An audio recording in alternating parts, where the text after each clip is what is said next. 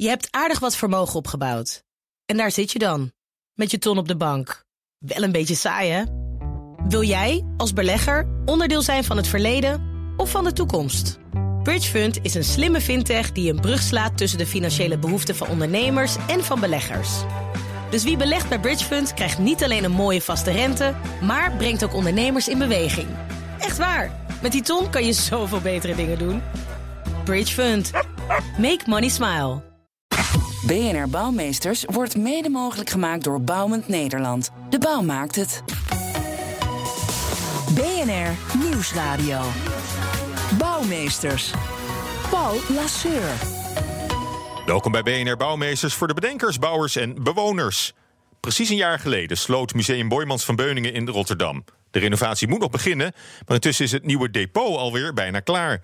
Het is een van de grote bouwprojecten die ook in coronatijd gewoon doorgaat. In een grote glimmende glazen tum-tum met bomendak huizen straks 150.000 kunstwerken. Hoe regel je zo'n groot bouwproject midden in een crisis? En hoe staat het met de geplande renovatie? Daarover praat ik met Ina Klaassen. Zij is een van de twee directeuren van het museum. Mevrouw Klaassen, hartelijk welkom. Voordat we uitgebreid uh, verder praten over de bouw van het depot en de renovatie van het museum, beginnen we zoals elke week uh, de uitzending met een bouwsucces en een bouwflater van onze gast.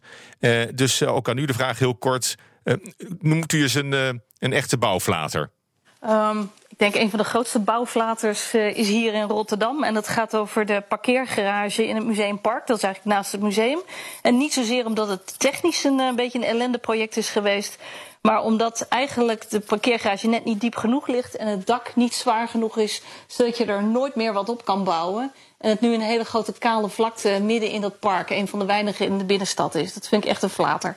Ja, dat is inderdaad wel, wel, wel spijtig. Maar goed, een beetje, een beetje ruimte, een beetje vlakte is toch ook niet, uh, niet verkeerd? Maar je kan er niet zoveel mee. Het heeft een weinig parkachtig karakter inmiddels ah, gekregen. Oké. Okay. Ja.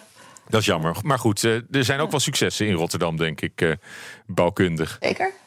Ja, ik denk, uh, nou, het is niet zozeer bouwkundig, maar iets wat ik heel uh, opvallend goed gedaan vond uh, in de afgelopen tijd. Dat is Little Sea, dat is een klein wijkje wat in de buurt van het Droogleven Fortuin wordt gebouwd. Plein wordt gebouwd.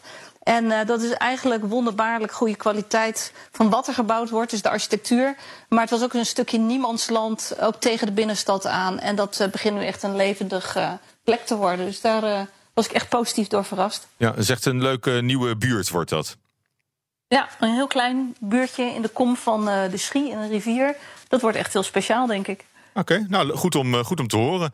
Nou, we zeiden het al uh, even, vorig jaar ging het museum dicht. En uh, nou, al heel wat verder, in, in oktober 2018 begon de bouw van het depot.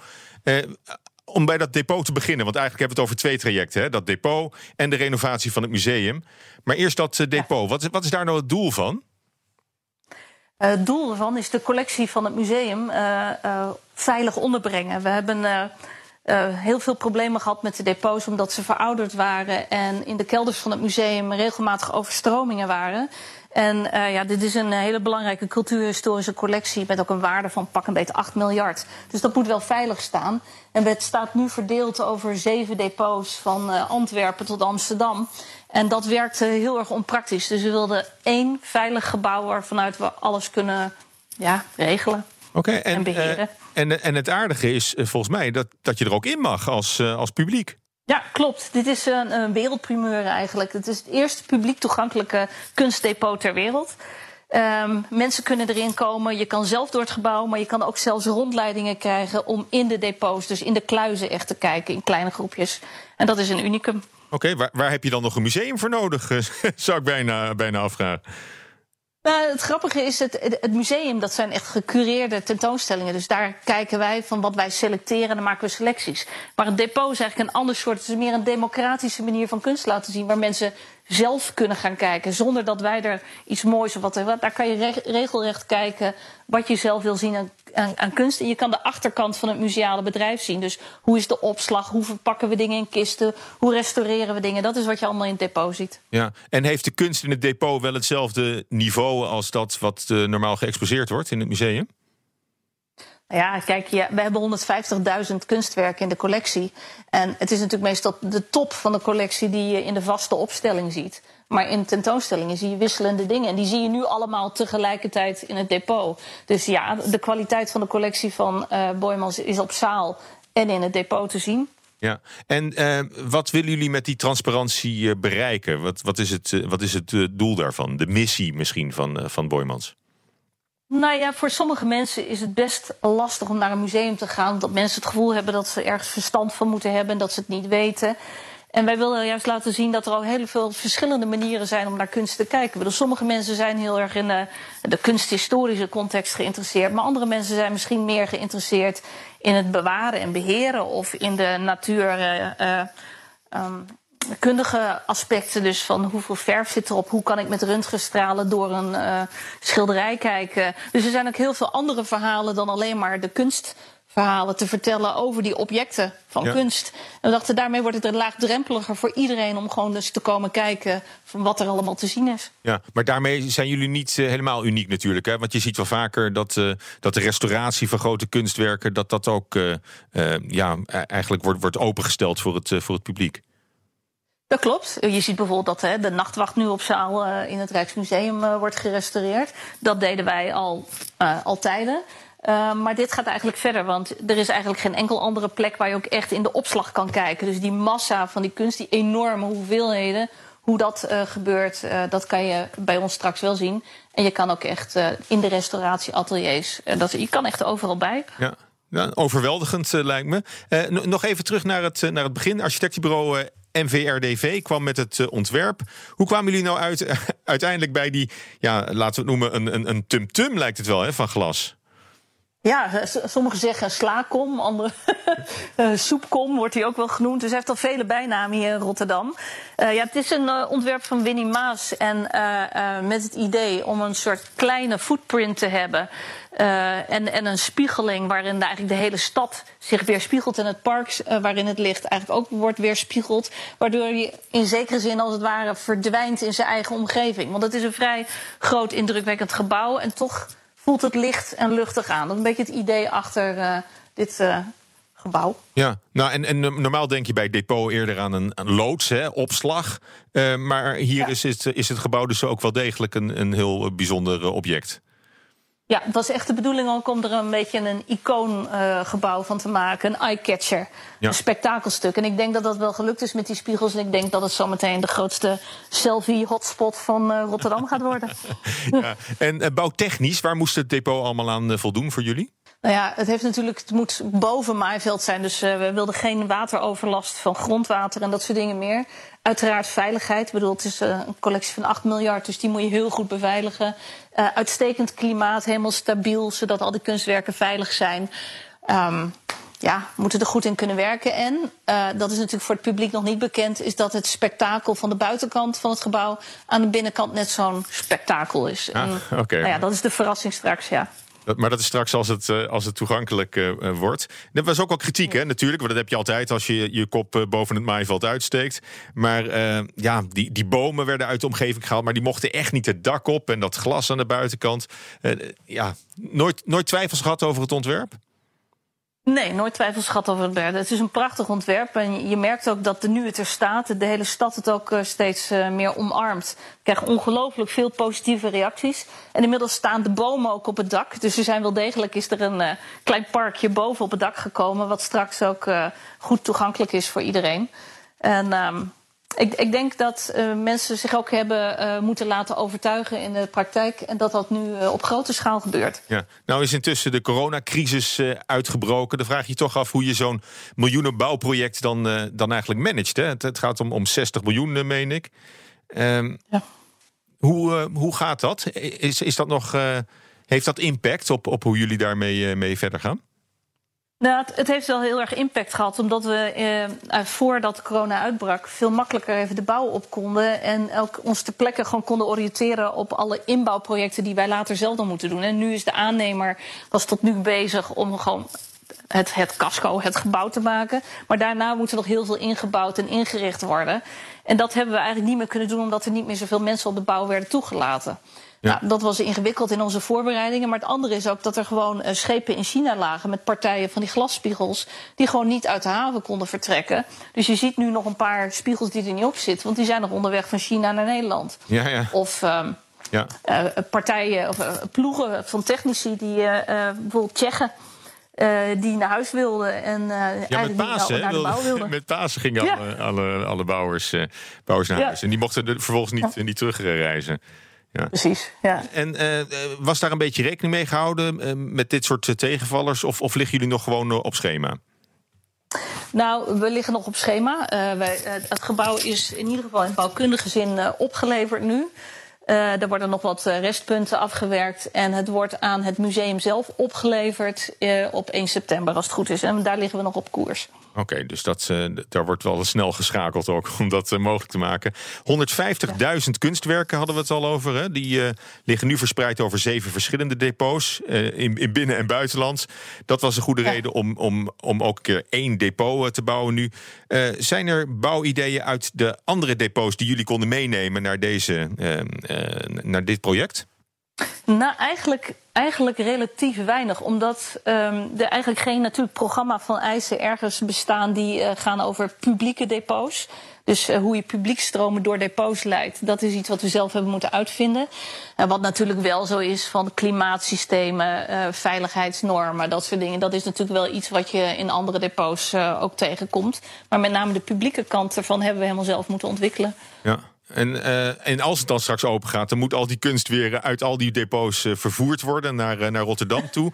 Dat gaat Ja. alleen al een half jaar duren om die 150.000 kunstwerken per peperduur kunsttransport naar, naar het Boymans eh, te krijgen, naar het depot. Ja. Eh, hoe gaat dat allemaal goed komen? Wat komt te kijken bij dat transport? Nou, het, het, is, het is een echt een militaire operatie, zou ik bijna zeggen. Die we al twee jaar lang in voorbereiding hebben.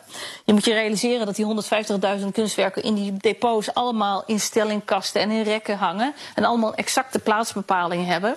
En die moeten van een eh, eh, eh, depot elders weer naar dat ene depot. Dus het, wordt weer, het, wordt een hele andere opstelling. Dus je moet precies kunnen volgen waar het ene werk vertrekt en waar het weer aankomt. 150.000 betekent eigenlijk dat we vanaf 1 december een half jaar lang elke dag ehm, twee grote transporten hebben. En die moeten ook acuut worden verwerkt. En dat we inderdaad in een half jaar tijd zo eh, de boel erin rijden. En eh, het is natuurlijk zo dat je met grote waarden werkt. Dus je moet je transporten ook eh, beveiligen. En je moet eh, ehm, ook zorgen dat er, dat er niks onderweg kwijtraakt. Of dat iemand iets meeneemt. Dus het is, ehm, ja, het, het is een spannende operatie. Ja. Heel intensief. En eind, eind september is dan de opening? In september 2021 is de opening inderdaad. BNR Nieuwsradio. Bouwmeesters. Paul Lasseur. Zometeen praat ik verder met Ina Klaassen, directeur van Museum Boymans van Beuningen in Rotterdam, over de geplande renovatie. Het extra geld dat ze wilde kreeg ze nog niet. Komen de plannen nu in gevaar? Maar eerst BNR Bouwexpo. is hier redacteur Judith Lane voor de Bouwexpo. Hoi Judith. Ja, Paul, hallo, daar ben ik weer. Ja, we gaan knippen en plakken. Hè? Dat eh, is zeker zo. Ik heb namelijk iets gevonden voor alle mensen met kinderen die nu luisteren en die denken: Oh, ik heb alles al geprobeerd deze coronacrisis om ze te entertainen. Maar geen nood, want er is altijd weer iets nieuws te bedenken. Ik heb namelijk iets gevonden. Eh, dat is namelijk van een Brits architectenbureau, Foster Partners. En die hebben een soort ontwerpuitdaging voor kinderen bedacht. En het is eigenlijk een soort kleurplaat slash bouwplaat van gebouwtjes die je uit kunt knippen. Eh, en dat kennen de meeste mensen wel, dat heb ik vroeger ook wel eens gedaan. Ze hebben er ook een hele mooie hashtag bij bedacht. Architecture from home, dus architectuur vanuit huis.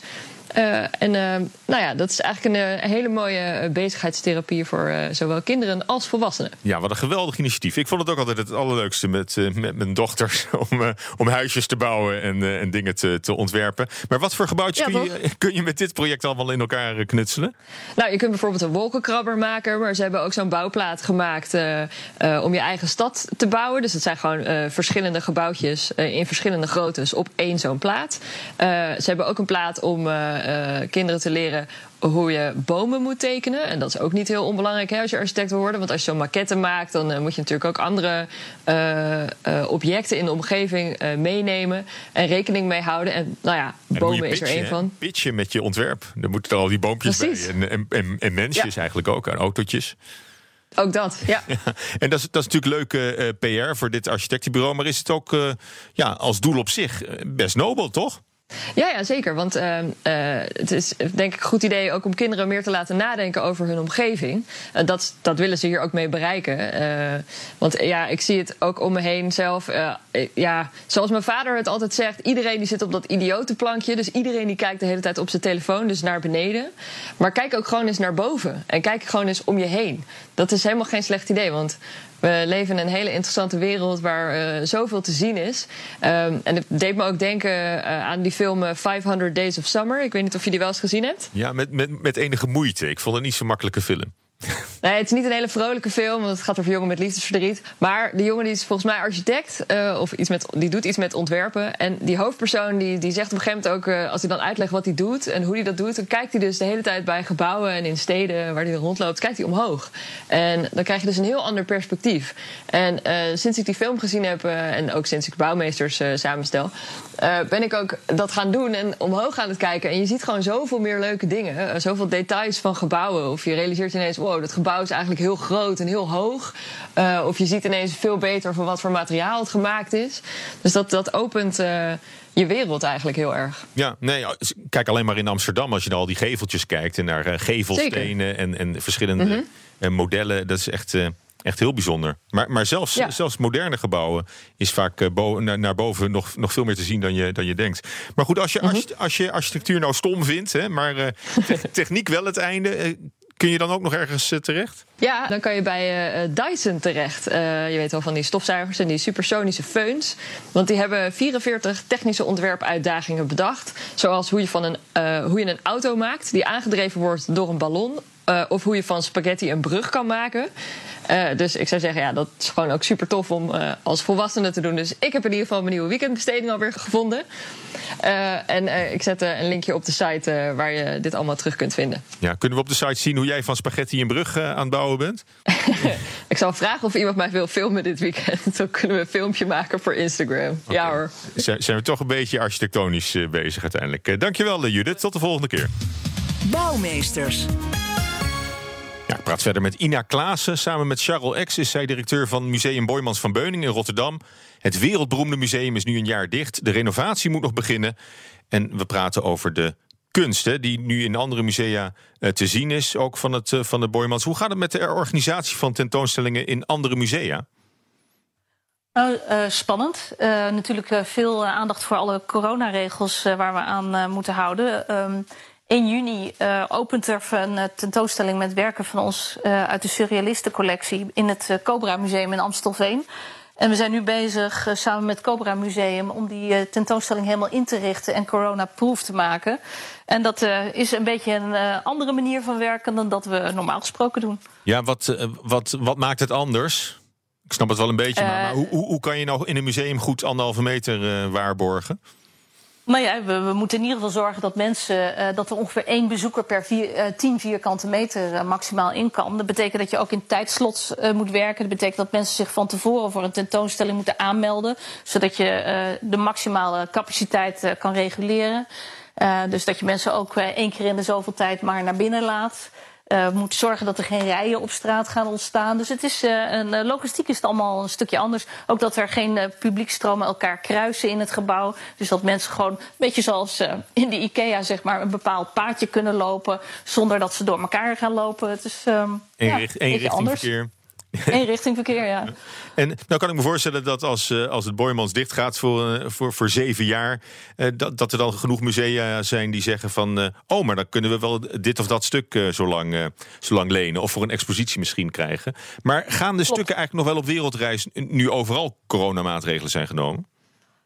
Nou, uh, we hadden een, behoorlijk intensief uh, internationaal programma staan. Uh, waarop bijvoorbeeld Londen, de National Gallery, daar zouden we in het voorjaar terechtkomen. En in het najaar zouden we naar Wellington in Nieuw-Zeeland gaan. Uh, maar wat je ziet is nu dat al die musea uh, de tentoonstelling wat verder achter in de tijd uh, plannen. Dus dat betekent dat de grote wereldtournees, ook naar Mexico en naar Zuid-Korea, dat het allemaal wat verder in de tijd gaat schuiven. Omdat er nu gewoon geen transporten kunnen plaats hebben. Oké, maar dat, dat wordt, allemaal, wordt allemaal ingehaald, al die, al die plannen, begrijp ik? Daar gaan we wel vanuit, ja. Goed. Als het depot volgend jaar open is, zit het misschien ook nog in die anderhalve meter eh, samenleving. Eh, hebben jullie daar al een scenario voor, uh, voor uitgedacht? Of gaat het, er, oh, gaat het er misschien anders uitzien dan jullie eerst hadden gepland?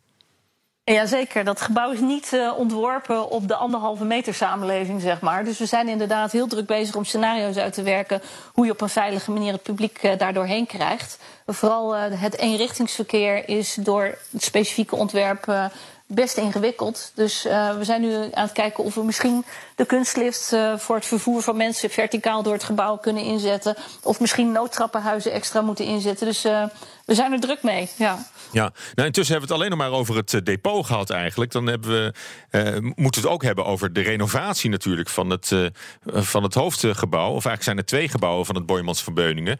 Er is het Van de Steurgebouw uit 1935 en de tentoonstellingszaal en bibliotheek uit de jaren 70 van Alexander Baudon. Uh, een ingrijpende renovatie staat te wachten, want alle asbest moet er onder meer uit. wat gaat er nog meer gebeuren? Uh, nou, dat is inderdaad een heel belangrijk onderdeel. Uh, het probleem is heel veel asbest. Het is eigenlijk de grootste asbestklus uh, van gemeentelijk vastgoed ooit in Rotterdam. Dus dat is heftig. Er zit heel veel achterstallig onderhoud, wat ook verband houdt met het asbest dat allemaal opgelost gaat worden. En we zijn op dit moment aan het kijken of we een ambitieuzer variant kunnen uitdenken, samen met uh, mecano-architecten. Om er uh, uh, ook voor het publiek meer van te maken dan dat het was. Dus um, we hadden best wel wat problemen dat het een beetje als een gesloten forte overkwam. Dat de entree moeilijk vindbaar was. En dat de logistiek van het gebouw moeilijk was. Zowel achter de schermen als voor de schermen. Mensen verdwaalden soms een beetje in het gebouw. een beetje versnipperde tentoonstellingzalen. En dat zijn eigenlijk allemaal zaken die we heel graag in een ambitieus scenario zouden willen oppakken. Ja, nou dat kost een flinke Duits. 200 23,5 miljoen euro uh, staat er uh, voor. Uh, de gemeente betaalt 168,5. Maar er is toch eens 55 miljoen nodig. Extra geld voor de ambitieuze bouwplannen. wat, wat is dat wensenlijstje?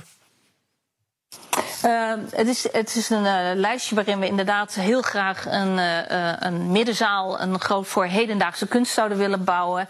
En een, een oplossing zouden willen vinden van de bouwdelen die nu minder goed zijn. Dus daar zouden we iets mee moeten. En dat zijn de belangrijkste dingen die eigenlijk in die ambitie zitten. Dus een nieuw paviljoen voor hedendaagse kunst zouden we heel graag willen. En ja. ja. En de logistiek en de entree. Ook een belangrijk, ja. ja. En, en dat extra geld zou moeten komen van uh, externe, hè, onder meer de Bank Giro Loterij, uh, de Stichting Droom en Daad van, van Wim Pijbers. Maar die hebben zich teruggetrokken omdat ze niet mochten meebeslissen ehm, over, over het ontwerp onder meer. waar bent u eigenlijk bang voor als, als er derden aan tafel komen?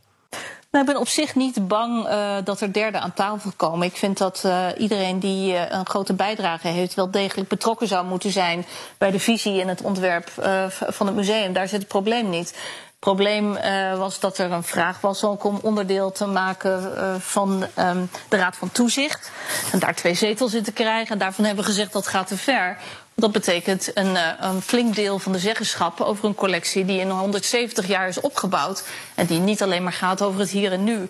Dus we vonden die zeggenschap daarin te ver gaan in, in, het, in de sturing van het museum. Maar dat wil niet zeggen dat de partijen niet betrokken zouden kunnen zijn hmm. bij. Uh, de visievorming in de bouw hoor. Dat, daar, daar zat geen probleem. Maar was daar niet over te praten dan? Eén zetel bijvoorbeeld in de, in de Raad van Toezicht? Nee, zover is het nooit gekomen. Op een gegeven moment hebben we besloten dat we er gewoon anders in zaten als partijen. En uh, is besloten het, het, het, de mogelijke bijdrage uh, daar verder niet op mee, uh, mee verder te gaan. Ja. En dat was jammer, maar ja, dat kan gebeuren. Ja. Nou, nog een, nog een coronavraag. Hè. In, in de, de coronacrisis sloopt de cultuursector. Dat hoorde ik uh, vorige week uh, Roelof Hemme uh, zeggen in, in, in zijn ja. programma. En jullie houden je doodelijk je hand op voor, nou, voor tientallen miljoenen. Ga, um, Ja, dat zijn twee dingen. Dit is natuurlijk iets wat al veel langer speelt. Hè. De, de eerste uh, ideeën over dat dat museum aangepakt moest worden, omdat we ook niet langer door konden exploiteren. We zijn ook dichtgegaan omdat het gewoon te gevaarlijk werd in het museum. We konden niet meer open, want uh, de technische levensduur van de installaties in de kelder waren open. En er dreigde echt letterlijk ontploffingsgevaar. Dus we hebben het mm. gewoon moeten sluiten omdat het gebouw het niet meer deed. En inderdaad, dan valt het op een hele nare manier samen met een periode waarin er zo ontzettend veel culturele instellingen en ZZP'ers uh, het heel zwaar hebben door de coronacrisis. Maar dit is een probleem wat al veel langer speelde. En ja, ja, die twee dingen komen nu ongelukkig samen. Ja, ja maar voor jullie is het geen reden om het uh, een, beetje af te schalen en te zeggen van nou dan, uh, dan doen we toch de, de entree niet. Of, of, of, of die middenzaal voor, voor hedendaagse kunst.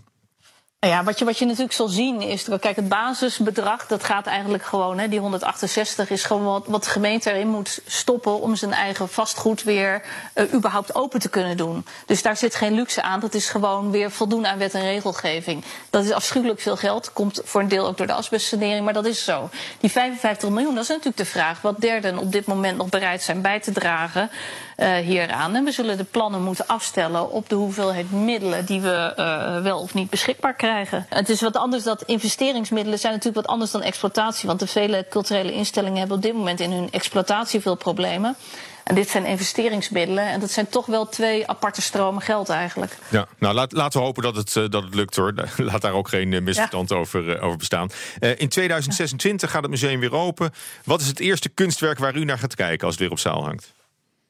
Oeh, een van mijn favoriete werken van het museum is uh, een werk van Basjan Ader. En dat heet I'm uh, Too Sad to Tell You. En het is een klein fotootje van een huilende kunstenaar.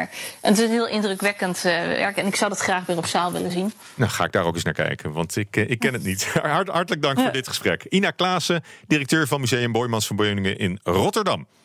En tot zover BNR Bouwmeesters.